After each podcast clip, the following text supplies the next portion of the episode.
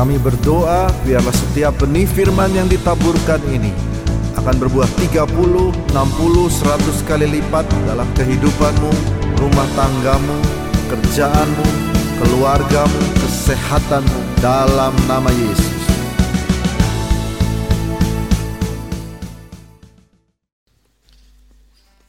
Shalom. Masih 40% suaranya. Shalom.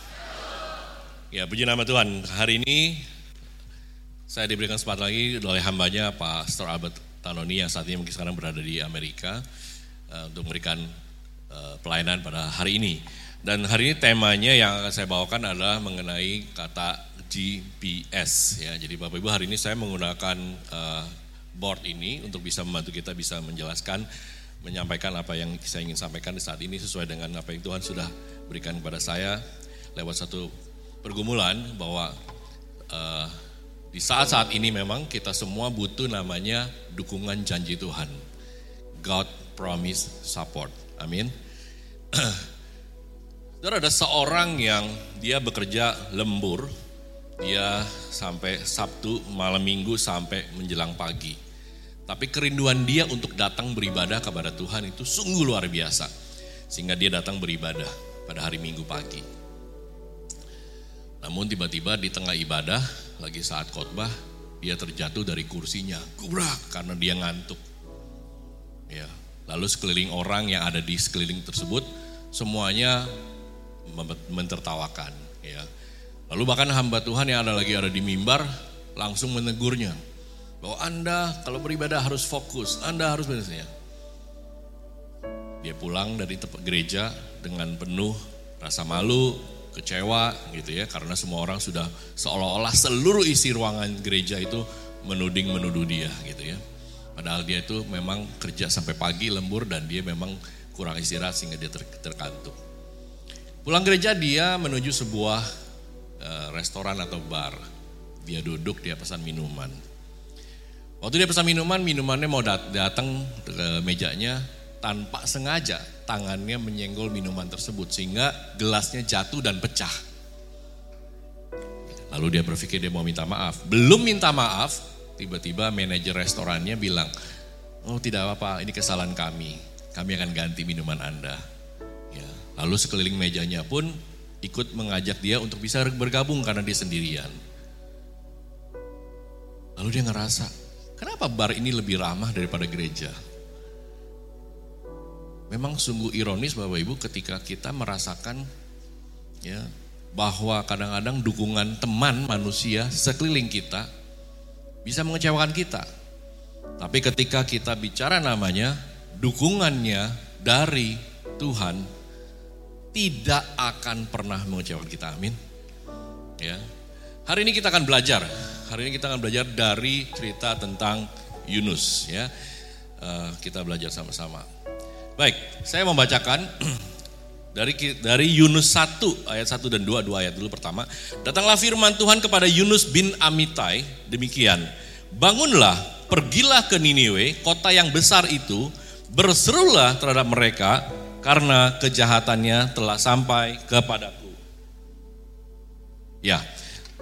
Jadi kata bangunlah ya. Bangunlah. Nanti kita bicara kalau di Yunus ini nanti ada kata tiga kalimat kata bangunlah yang diulang-ulang ya. Bangunlah.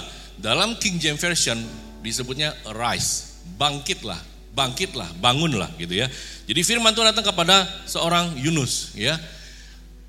Yunus itu punya arti ya. Nama kata Yunus artinya adalah ya dove atau merpati ya kita tahu simbol dari kata merpati adalah simbol dari kata damai.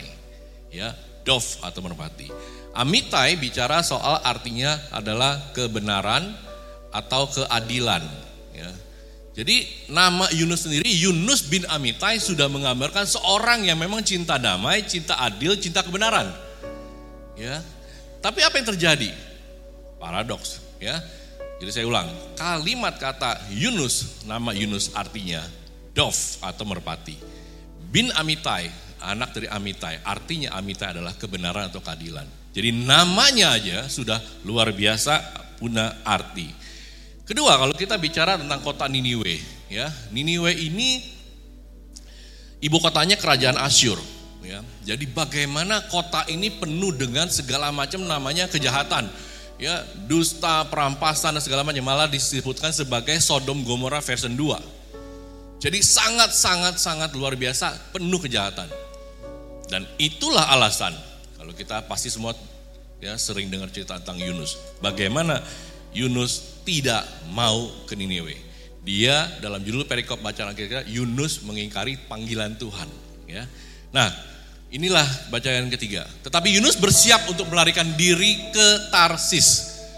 Saudara, waktu dia mau pergi, mau meninggalkan, mengingkari pelayanan panggilan Tuhan, ya sampai ada kata bersiap melarikan diri, ya melarikan diri ke Tarsis, ya jauh dari hadapan Tuhan, pergi ke Yavo, ya Yavo itu suatu suatu pelabuhan dan mendapat di sana sebuah kapal yang akan berangkat ke Tarsis. Ia membayar biaya perjalanannya, lalu naik kapal itu untuk berlayar bersama-sama dengan mereka ke Tarsis jauh dari hadapan Tuhan. Jadi pertama adalah poinnya adalah dia mau kabur dari panggilan Tuhan. Dia mau lari dari satu pelayanan yang Tuhan kasih dia. Ya, tapi dia penuh persiapan, dia punya uang dia bisa bayar, ya, dia pergi. Lalu ya kalau kita lihat antara Niniwe dengan Yavo ini, ini jaraknya adalah dari sini ke sini jaraknya adalah kurang lebih 800 km. Jadi mendekati Jakarta Surabaya kurang lebih ya, Jakarta Surabaya 1000 km. Mendekati Jakarta Surabaya. Jadi bisa dibayangkan bahwa bagaimana dia dari Niniwe dia mau kabur ke pelabuhannya sudah jauh lumayan jauh ya. Kalau saat ini orang gampang terbang ya, tapi saat ini bicara naik kapal laut. Nah, yang kedua, bagaimana dengan jarak dari ya Niniwe sampai menuju Tarsis? Ya, hampir dikatakan kurang lebih sekitar 4 ribuan kilometer. Ya, 4 ribuan kilometer atau sampai 5 ribu kilometer. Kalau saya hitung petanya, ya jarak Niniwe ke Tarsis itu kurang lebih seperti Jakarta Seoul, Korea. Jakarta sampai Korea. Ada orang niat kabur dari panggilan Tuhan jauh banget saat itu. Ya, sekarang ke Seoul 7 jam terbang. Tapi naik kapal laut ya saat itu berapa lama. Dan ya, kalau kita lihat cerita di sini ini Yavo tadi kurang lebih daerah sini ya, lalu dia ke sana ya. Kalau di dalam peta sekarang ya uh, oke okay. saya nggak tahu oke okay. oh peta sekarang itu Spain itu adalah seperti Tarsisnya ya lalu Niniwe itu di daerah Iraknya ya uh, somewhere di sini ya nah ini ya saya nggak tahu jelas ya oke nah jadi ini adalah dari Niniwe menuju Tarsis ya jadi Tarsis itu Bapak Ibu adalah sebuah kota menghasilkan logam, emas. Ya, jadi perdagangan emasnya di sana luar biasa. Lalu eh, kenapa eh, Yunus itu larinya ke sana? Ya, kalau dulu itu mereka belum belum ya kita tahu semuanya bumi berbentuk eh, bola gitu ya. Itu adalah ketika abad ke-6 sesudah Masehi. Ya, namanya Pitagoras waktu itu dia menyatakan itu. Abad ke-15 baru seorang Portugal membuktikan lewat dia pelayaran dia bahwa bumi itu adalah berbentuk bola, ya. Tapi di zaman itu mereka berpikir bumi itu berbentuknya kayak piringan, ya. Jadi kayak kayak piringan melayang, di, ya. Jadi mereka merasa Yunus merasa Tarsis itu ada di ujung piringannya, ya dari ujung barat. Jadi seolah dia memang mau pergi jauh banget ke sana, gitu ya, jauh banget ke sana. Nah ini sekilas kita bicara dulu mengenai uh, kotanya dan lain-lain ya. Nah sekarang kita masuk. Waktu Tuhan katakan bangunlah ya, arise. Jadi ada kata tadi saya bilang arise. Ini ada nanti ada tiga kali di Tuhan bicara ya lewat arise. But Jonah rose up ya. Jadi ini bangkit berdiri ya to flee untuk melarikan diri ya. Jadi bagaimana di sini kalau kita lihat Jonah itu benar-benar Yunus itu dia ya menyiapkan diri, mempersiapkan diri, memang mau melawan panggilan Pak Tuhan. Ya, dia melarikan dari panggilan Tuhan. Jadi kadang-kadang saudara, kita berpikir secara manusia. Bapak Ibu sering kali mungkin dapat tawaran pelayanan di gereja ini ataupun di mana saja. Ya. Mungkin kita berpikir secara fisik kita bisa lari dari Tuhan. Aduh Tuhan suruh saya ke sini, enggak lah saya mendingan saya pindah kota. Tuhan suruh saya ke, ke gereja di sana melayani, saya pindahlah gereja. Ya. Atau kadang-kadang saudara berpikir dan saya berpikir mungkin doh dengan uang kita bisa lari daripada Tuhan. Ya, tapi hari ini kita belajar dari cerita Yunus ya. Bagaimana Yunus sudah bayar perjalanannya, sudah jauh-jauh dia lari, dia pikir 5000 km away dari Niniwe. Jauh sekali, dia pikir bisa ya melarikan dari panggilan Tuhan. Tapi ya memang paradoks Bapak Ibu. Paradoks artinya begini. Waktu Musa disuruh Tuhan, bebaskan bangsa Israel keluar dari Mesir, ya, dari penjajahan. Musa bilang, "Tuhan, saya nggak pandai bicara." Tuhan bilang, "Kasih Harun." gitu ya. Tuhan bagaimana mereka bisa percaya sama saya? Tuhan kasih sesuatu kekuatan dia sehingga dia bisa membuat segala macam mujizat-mujizat sehingga mereka bisa keluar. Waktu Yeremia, Tuhan aku ini masih muda. Ya, sama gitu ya. Tapi semua ini ketika disuruh untuk melayani Tuhan, panggilan Tuhan, pasti mereka inginnya apa? Kalau Musa disuruh mengeluarkan bangsa Israel keluar, dia punya tugas dan dia dia pengen memang mengeluarkan. Yunus paradoks. Tuhan minta ke Niniwe, kota yang jahat itu supaya bertobat. Tapi Yunus malah nggak mau. Ya, dia melawan, malah dia nggak mau. Karena apa? Karena nanti kalau kita baca cerita di akhirnya Tuhan, dia bilang, Tuhan itu memang maha pengasih, penyayang. Jadi kalau mereka bertobat pasti Tuhan juga ampunin. Jadi semudah itu buat Tuhan. Jadi dia nggak mau. Ya. Jadi dia malah menolak itu. Ya. Kesannya mementingkan diri sendiri. Kesannya. Ya. Kedua, dia merasa keadilan itu bukan milik orang jahat. Ya. Keadilan itu milik orang benar. Ya. Kebenaran itu memang sudah mutlak orang benar. Tidak ada di orang jahat. Ya. Jadi paradoks. Yang ketiga adalah memang dia mau menjauh dari kehadiran Tuhan. Banyak kita berbeda Bapak Ibu dengan Yunus pasti ya kita itu banyak cari alasan karena kita sudah adanya di comfort zone namanya ya. Semua tahu tentang comfort zone. Zona yang nyaman. Saat ini Bapak Ibu, ah udahlah saya udah tiap minggu datang ke gereja. Ini juga sudah termasuk dalam pelayanan. Seolah-olah kita bilang begitu. Ya, kita udah tiap minggu hadir pagi jam 9 sampai jam setengah 11 pulang selesai ibadah selesai. Saya sudah cukup datang. Ya, kita banyak cari alasan. Padahal mungkin Tuhan punya sesuatu buat Bapak Ibu dan saya untuk yang kita kerjakan. Tapi sering kali comfort zone-nya itu, ya kita cari alasan. Yang kedua, kita nggak berani namanya tantangan masalah. Ya, ada satu tantangan masalah pasti pelayanan ketika Tuhan berikan buat kita. Ya, sering kali kita juga merasa ya mungkin tadi diejek orang, di, mungkin teman-teman pelayanan tidak cocok dan sebagainya. Ya, jadi kadang-kadang kita merasa sudah nyamannya ada di comfort zone. Kita merasa nggak apa, aduh, udahlah, memang saya sudah cukup di sini. Ya, tapi Tuhan tidak inginkan seperti itu. Nah, Yunus ini paradoks. Dia bukan cari alasan untuk tidak bisa, tapi bukan. Tapi memang dia tidak mau dia mengingkari panggilan Tuhan. Ya. Kita belajar dari seorang Mother Teresa. Ya. Dia lahir e, di tahun 1910. Lalu umur 26 tahun dia mulai keluar dari ya zona nyamannya. Ya, ketika dia di dalam dia dapat semua kenyamanan, dia dapat semua rasa hormat, dia dapat semua rasa ya, makan, minum, sempat tinggal, semuanya enak. Ya, tetapi dia berpikir orang-orang di luar sana ada banyak orang-orang yang perlu dia layani, perlu dia perhatikan. Jadi di umur 26 tahun dia mulai bertindak, dia keluar dari zona zamannya. Ya, kalau saya baca ceritanya ada 517 misi yang dilakukan oleh Mother Teresa dan ada 100 negara yang dia sudah kunjungi dalam pelayanannya. Luar biasa Bapak Ibu ya. Jadi sampai usia tua dia melayani Tuhan. Tapi ada satu yang saya lihat dia kalimat gini, if you judge people, you have no time to love them. Ya. Jadi ada kalimatnya, if you judge people, you have no time to love, ya. Kadang-kadang kita merasa kita maunya menghakimi orang, jadi kalau kita menghami orang, maka kita nggak punya waktu untuk mencintai orang. Ya, kadang-kadang kita merasa begitu mudah untuk kita bisa gampang menilai orang dalam pelayanan, menilai orang dalam situasi gereja, menilai hamba Tuhan di sini, menilai mungkin para worship leader. Aduh, suaranya udah nggak enak, singer wah mungkin banyak hal yang mungkin kita bisa protes. Tapi kadang-kadang kita juga nggak terlibat di dalamnya, betul? Belum lama saya posting di Instagram saya, ya, saya lihat satu kisah seorang hamba Tuhan senior dia di di US, dia dia ceritakan bagaimana dia dihubungi oleh sebuah gereja, kami lagi mencari senior pastor. Ya, lalu dia bilang, e, kenapa dengan senior pastor yang ada di tempat Anda sekarang? Oh, kami ingin ganti saja. Kenapa? Oh tidak apa-apa, karena mereka memang baik-baik saja dia bilang. Tapi kami ingin ganti saja. Lalu orangnya nanya, oke okay, kalau Anda ganti untuk apa?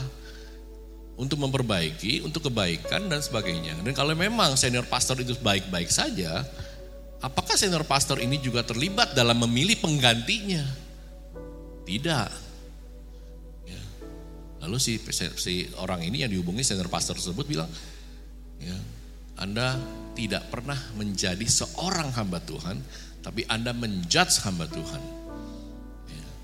Seringkali memang kita pikirannya apa? Paling mudah menghakimi orang. Paling mudah. Itu orang jahatnya luar biasa. Itu orang ya nggak mungkin dia bisa masuk surga. Wah segala segala macam. Ya, di dalam pelayanan ya kita harus saling mencintai. Ini adalah ekosistem gereja yang Tuhan sudah berikan buat Bapak Ibu dan saya. Ya, bagaimana seorang Mother Teresa bilang, ya, if you judge people, kalau Anda menghakimi orang lain, anda nggak punya waktu untuk mencintai. Jadi kita harus belajar hari ini. Bagaimana kita boleh sama-sama mencintai dalam pelayanan Tuhan. Bukan menghakimi. Urusan hakim urusannya Tuhan. Ya, saudara dan saya tidak ada yang sempurna. Ya, saudara dan saya tidak ada yang sempurna. Nah, yang kedua, sorry, saya poin pertama adalah bagaimana kita bangkit menghadapi tantangan. Ini poin pertama yang saya ingin sampaikan. Dari saya, saya coba awalkan uh, per, uh, prolog saya di awal arise ya untuk face the challenge. Saudara harus bangkit menghadapi tantangan. Kalau saudara merasa saat ini, saat ini ke gereja cuma begini-begini aja, sampai saudara dan Bapak Ibu dan saya mungkin ngerasa bosan, hati-hati. Bapak dan Ibu dan saya berada dalam zona yang sangat nyaman, merasa ya ini adalah rutinitas. Ya, jadi kalau ke gereja hanya cuma rutinitas, hanya merasa saya wajib. Habis itu saya punya waktu jalan-jalan, saya habis itu punya waktu untuk bisa bersenang-senang, ya. Ya, saudara ada ada di zona zaman tadi. Ya, Tuhan bilang, rise, bangkit. Ada satu tantangan, ada begitu banyak ladang Tuhan, ladang pelayanan. Di gereja ini pun saya percaya banyak. Ya, saya percaya walaupun gereja ini ya mungkin sudah ada Pak Albert dan semua pengurus yang sudah luar biasa, tapi masih banyak area yang dibutuhkan Bapak dan Ibu untuk melayani tempat ini. Ya, bangkit. Dan ada tantangan, memang harus kita hadapin tantangannya. Kadang-kadang kita merasa memang sudah nyaman, kita ngerasa nggak perlu lagi. Ya, tadi saya bilang duduk diam doang. Ya, rencana jalan Tuhan itu kadang-kadang berbeda dengan rencana pikiran kita. Amin. Ya, kadang-kadang kita berpikir memang kita maunya seperti itu. Ya saya 55 ayat 8 berkata sebab rancanganku, itu rancangan Tuhan, bukanlah rancanganmu. Jalanmu bukanlah jalanku. Ya, jadi waktu kita dalam hal ini kita mau melayani Tuhan, bangkit, pasti ada tantangan. Ya. Martin Luther King Junior, ya, dia seorang yang punya mimpi, ya, bagaimana hak-hak rakyat sipil dan mimpinya dia juga semua orang ya dia bilang begini, saya bermimpi suatu hari negara ini akan bangkit, ya, dan semua manusia diciptakan sama. Ya. Jadi dia seorang yang sangat revolusioner dia bilang bahwa saya bermimpi suatu hari, saat suatu hari nanti negara ini akan bangkit. Ya. Dia lahir tahun 29, ya umur 22 tahun kalau saya tidak salah dia jadi seorang hamba Tuhan, pastor. Ya. Dan beliau sangat-sangat gigih memperjuangkan namanya hak, -hak sipil. Ya. Nah, itu yang pertama, bagaimana kita harus bangkit. Ya. Yang kedua, kita bicara mengenai kedaulatannya Tuhan, ya, kedaulatannya Tuhan, ya, the sovereign of God, ya. Nah, saya baca ayat berikutnya. Tetapi Tuhan menurunkan angin ribut ke laut, lalu terjadilah badai besar sehingga kapal itu hampir-hampir terpukul hancur. Ya, saya nggak nggak tulis maka itu ayat 4 lalu ayat 13. Saya mau cerita bapak sekilas saja karena saya yakin semua sudah pasti dengar cerita tentang Yunus. Ya, waktu waktu Yunus lari ke Tarsis, dia masuk kapal, dia duduk, dia tidur, betul? Tiba-tiba, waduh, diombang-ambingkan perahu semua, badai terjadi. Ya, awak kapalnya semua berteriak terhadap Allahnya mereka. Ya disebut Allahnya dalam huruf kecil. Allahnya mereka. Mereka berteriak. Mereka buang muatan kayak ke laut. Mereka berpikir ini mungkin beban berat nih ya, supaya tidak karena kalau ada badai supaya beban kapalnya lebih ringan. Dibuanglah muatan juga. Sampai suatu saat nakoda aja sadar bahwa ada satu orang di bawah sana lagi tertidur. Ya, saya cukup heran kalau baca cerita ini ya. Ombak kencang, Yunus tenang-tenang saja dia tidur. Ya, dia tidur lalu disuruh dibangunkanlah Yunus dan disuruh dia untuk berdoa kepada Tuhannya kata nakodanya ya. Lalu mereka membuang undi. Waktu mereka buang undi kenalah namanya Yunus. Lalu mereka tanya apa sebenarnya? Dari mana anda? Siapa anda? Kenapa anda? Gitu ya. Lalu Yunus bilang ya dia cerita bahwa dia seorang yang takut akan Tuhan dan bla bla bla bla lalu ya Yunus bilang buanglah dia, campakkanlah aku ke dalam laut supaya laut ini menjadi reda. Ya. Ayat 13 berbicara begini, lalu berdayunglah orang-orang itu dengan sekuat tenaga untuk membawa kapal itu kembali ke darat. Saudara, orang yang tidak kenal Tuhan saat itu, dia mereka tidak kenal Tuhan ya, dalam tanda petik, mereka masih menyaingi Yunus. Mencoba supaya nggak usah Yunusnya dibuang ke laut. Bawalah mereka coba balik ke darat supaya ya Yunusnya juga tidak mati di laut karena kalau mereka bilang Yunusnya dibuang ke laut, mereka yakin Yunus akan mati. Tapi mereka orang-orang awak kapal itu ya yang tidak kenal Tuhan, malah sebaliknya ada maksud Tuhan, ada kedaulatan Tuhan. Ya, ketika Tuhan kasih kita sesuatu ya hal yang buat kita adalah bahaya, buat kita adalah nggak enak, buat kita adalah ombak kehidupan, buat kita adalah semua segala serba susah. Tapi Tuhan punya maksud, Ya, ada orang-orang sekitar yang juga Tuhan ingin ya kenalkan Tuhan buat mereka semua, kasihnya, ya. Jadi waktu mereka bersama tetapi mereka tidak sanggup sebab laut semakin bergelora ya menyerang mereka. Jadi laut semakin bergelora menyerang mereka. Kadang-kadang kita berpikir kita juga bisa berbuat baik. Tapi kalau kedaulatan Tuhan, apa pun yang kita pikirkan itu baik, di mata Tuhan tadi saya bilang, Yesaya 55 ayat 8. Jalanmu bukan jalanku, ya jalannya Tuhan. Oke. Nah, kesimpulan saya ada satu. The presence of God, kehadiran Tuhan untuk ya membetulkan perjalanan hidup kita. Ya. Yunus coba lari dari kehadiran dari kehadiran Tuhan. Yunus coba lari dari panggilan Tuhan. Tapi sesungguhnya Tuhan mau hadir di dalam kehidupan Bapak, Ibu, dan saya untuk membetulkan apa? Koreksi perjalanan hidup kita, jernihnya kita. Yang kita nggak tahu, ya di mana arah tujuan kita nanti bagian akhir akan saya coba ceritakan. Ya kita nggak tahu, tapi kehadiran Tuhan justru itu membetulkan. Ombak yang kita pikir luar biasa, aduh, ya Yunus merasa ketika dia dibuang matilah dia pasti, ya. Tapi dia nggak sadar sebenarnya Tuhan ingin mengoreksi ngambil dia balik ke jalurnya. Amin. Ya, saudara, yang kita pikirin apa? Kita berharap itu orang nolongin, betul kan? Waktu saudara punya masalah, saudara berharap apa? Tuhan tolonglah kirim dia. Padahal Tuhan bukan itu yang Tuhan lakukan. Ya, Tuhan gak bikin orang itu nolong saudara, Tuhan bikin saudara yang bergerak. Tuhan bikin saudara yang maju ke depan. Tuhan bikin saudara yang maju melangkah. Bukan orang lain yang melangkah menghampiri saudara. Ya, terkadang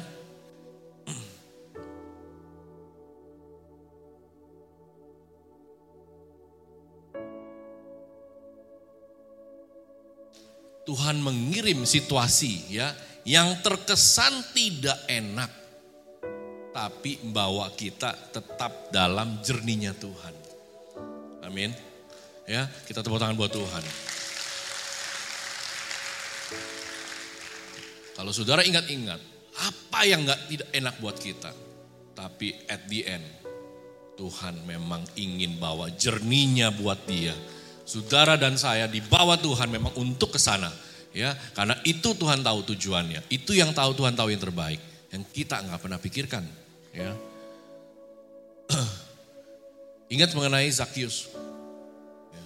Kedaulatan Tuhan di mata orang, Zakius udah merugikan banyak orang. Di mata orang, Zakius orang yang gak bagus. Di mata orang, Zakius itu gak dianggap. Ya, tapi Tuhan lihat ke atas, turun. Malah Tuhan menghampiri datang ke rumahnya. Di mata Tuhan kita jauh lebih penting daripada di mata manusia. Ya, kedaulatan Tuhan. Karena makanya kita tidak boleh tadi menjudge orang. Ya, orang itu jahat luar biasa. Terenggak. Waktu Tuhan ada di Zakius, orang berpikir nggak mungkin lah Zakius Tuhan suruh turun. Turun. Ya, kedaulatan Tuhan itu membuat kita harus mengerti bahwa Tuhan punya maksud siapa pun, bukan hanya orang baik, tapi orang jahat. Bukan hanya orang benar, orang yang bersalah pun itu yang Tuhan cari. Amin. Ya. Waktu penjahat disalibkan. Ya, dia cuma bilang Tuhan ingat akan aku. Bayangkan Bapak Ibu, dalam hidupnya sampai dia mau disalib aja ini orang ini. Mungkin dia berpikir udahlah selesai, tamat. Last minute. Tuhan ingat aku. Tuhan bilang hari ini juga engkau akan bersama-sama aku di Firdaus. Kedaulatan Tuhan itu yang gak pernah kita pikirkan. Gak bisa kita pikirkan. Jadi kalau Bapak Ibu saat ini merasa, aduh saya orang yang paling berdosa. Saya orang yang paling bersalah. Saya orang yang gak mungkin bisa bertobat. Saya orang yang gak mungkin diterima Tuhan. Hari ini Tuhan bilang, last minute pun Tuhan bisa pakai. Karena Tuhan berdaulat atas hidup kita. Ya. Niniwe, ya, Tuhan selamatkan. Ya, Sodom Gomora kedua, versi kedua Bayangkan, ya, yang pertama dimusnahkan Tuhan, tapi yang kedua Tuhan kirim. Akhirnya mereka ya bertobat dan diselamatkan. Ya, nah yang ketiga bagian terakhir. Tuhan punya rencana atas talenta kita. Ya, jadi God has a purpose. Waktu saya menggumulkan cerita tentang Yunus, kenapa ya? Kenapa Tuhan Kenapa Tuhan pakai Yunus terus Yunusnya udah mengingkari, kenapa Tuhan nggak ada ganti aja orang lain? Ya. Hari ini yang kita mau belajar nanti di akhir kesimpulan ya dari khotbah saya. Saudara, bahwa bagaimana Tuhan itu punya maksud ketika Bapak Ibu diberikan talenta. Ya, walaupun talentanya beda-beda, ya, macam-macam kita punya talenta, ya. Nah, apa sih talentnya Yunus? Saya berpikir, apa sih talentnya Yunus? Saudara tahu, ya saya nggak baca ini mungkin karena waktu juga. Waktu Yunus disuruh, nah ini kalimat ini, bangunlah. Ini yang ketiga nih. Tadi kedua dari sinakoda, bangunlah ya, arise lagi. Ini kata arise lagi. Bangunlah pergi Niniwe. Ini jadi Yunus sudah dimuntahkan oleh ya ikan besarnya itu ya. Lalu Yunus mulai masuk ke dalam kota itu sehari perjalanan jauhnya ya. Lalu berseru. Saudara, hanya satu kalimat. Ya, hanya satu kalimat ini. 40 hari lagi, mak Niniwe akan ditunggang balikan. Dalam kisahnya Yunus, satu kalimat ini, saya berpikir beliau orang yang punya talent apa? Power of speaking. Berbicara di depan, meyakinkan orang, meyakinkan uh, uh, penduduk Niniwe. Satu kalimat. Lalu semua raja dan semua ya rakyatnya mereka bertobat, berpuasa kalimat dari Yunus. Satu kalimat. 40 hari lagi Niniwe akan ditunggang balikan. Mereka bertobat. Ya, saudara, talentnya kenapa Tuhan pilih Yunus? Karena Tuhan tahu Yunus punya talent itu. Ada talenta yang Tuhan kasih. Untuk dia bisa ngomong satu kalimat. Ya, walaupun semua itu pasti ada kuasanya Tuhan. Ya. Nah, waktu kita punya talent, saudara punya assignment dari Tuhan. Kalau saudara merasa saudara diberikan talenta dari Tuhan, ingat ada tugasnya dari Tuhan, ada assignmentnya dari Tuhan, ya, ada assignmentnya dari Tuhan. Tapi assignment kita bukan apa yang harus kita lakukan buat apa yang bisa kita lakukan buat Tuhan, bukan. Tapi apa yang Tuhan mau pakai kita buat melayani jemaatnya, buat melayani orang-orang sekitar kita, buat melayani orang di gerejanya Tuhan, ya assignment kita bukan apa sih yang bisa kita lakukan buat Tuhan, bukan. Apa yang Tuhan mau pakai Bapak, Ibu, dan saya dalam melayani Tuhan di tempat ini di mana pun saudara ditempatkan. Ini adalah assignmentnya Tuhan. Ya, waktu Tuhan kasih tahu kita punya karunia, ada banyak karunia. ya Nanti Bapak Ibu bisa baca dalam Roma 12 ayat 6 ya. Bahwa God give kita punya karunia-karunia yang berlain-lainan. ya. Nah, ini saya mau cerita bagian-bagian terakhir saya. Ya. Saudara perjalanan hidup kita, ya, kalau tadi kita bicara tentang Yunus. Kita ini bukan seperti mes ya. Kalau mes itu, mungkin saya ke sini. Oke. Ya.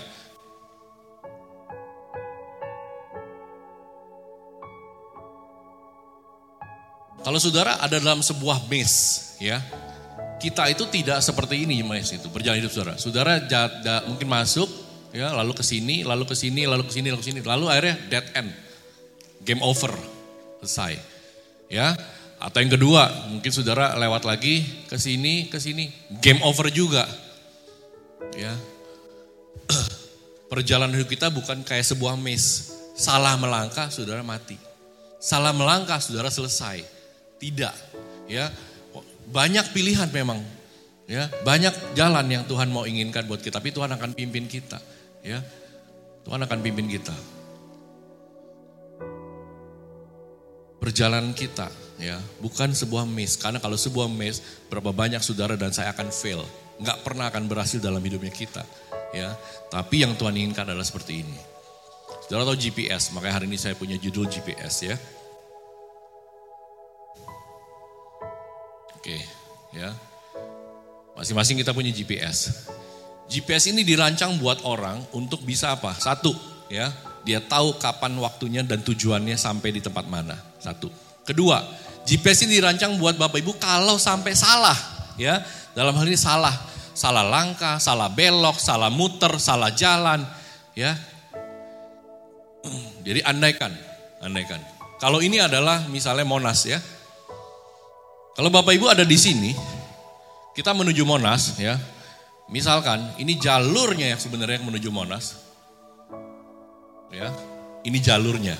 Kalau kita buka GPS.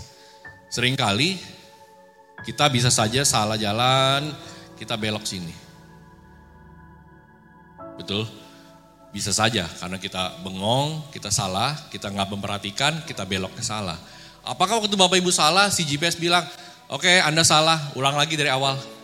Enggak, ya, enggak. Tapi apa? GPS-nya bilang, calculating the new road. Diulang lagi rutenya, dikasih tahu lagi jalannya. Oh mungkin berarti jalannya harus lewat sini misalnya. Toh sampai juga di Monas, ya. Atau kadang-kadang kita bandel, sudah sampai di sini kita masih belok sini. GPS akan bilang, turn right, balik kanan. Masih bandel lagi, suruh lagi turn right lagi. Sampai kita akhirnya menuruti sampai di sini. Ya, GPS itu tidak bilang waktu Anda disuruh belok kanan, belok kiri lagi. Disuruh belok kanan, belok kiri lagi. Itu GPS bilang, ya udahlah masa bodoh lah, terserah. GPS-nya nggak bilang gitu. Saudara Tuhan itu menetapkan langkah-langkah kita semuanya, orang-orang yang berkenan pada Tuhan, ya. Oke. Ya. Waktu GPS aja kita salah melangkah. Dia nggak bilang, udahlah, Anda nggak usah pakai GPS saya. Udahlah, ya, Anda cari jalan sendiri. Terlebih Tuhan kita Bapak Ibu. Anda salah melangkah, Anda salah belok. Tuhan begitu sabar seperti Yunus. Masuk ke perut ikan, tiga hari, muntahkan, balik lagi ke sana. Kembali ke tujuannya seperti yang Tuhan inginkan ke Niniwe. Saudara dan saya, kita sering kali salah belok. Seringkali kita bandel, muter-muter, muter-muter. Tapi Tuhan menetapkan langkah-langkah orang yang hidupnya berkenan. Puji nama Tuhan.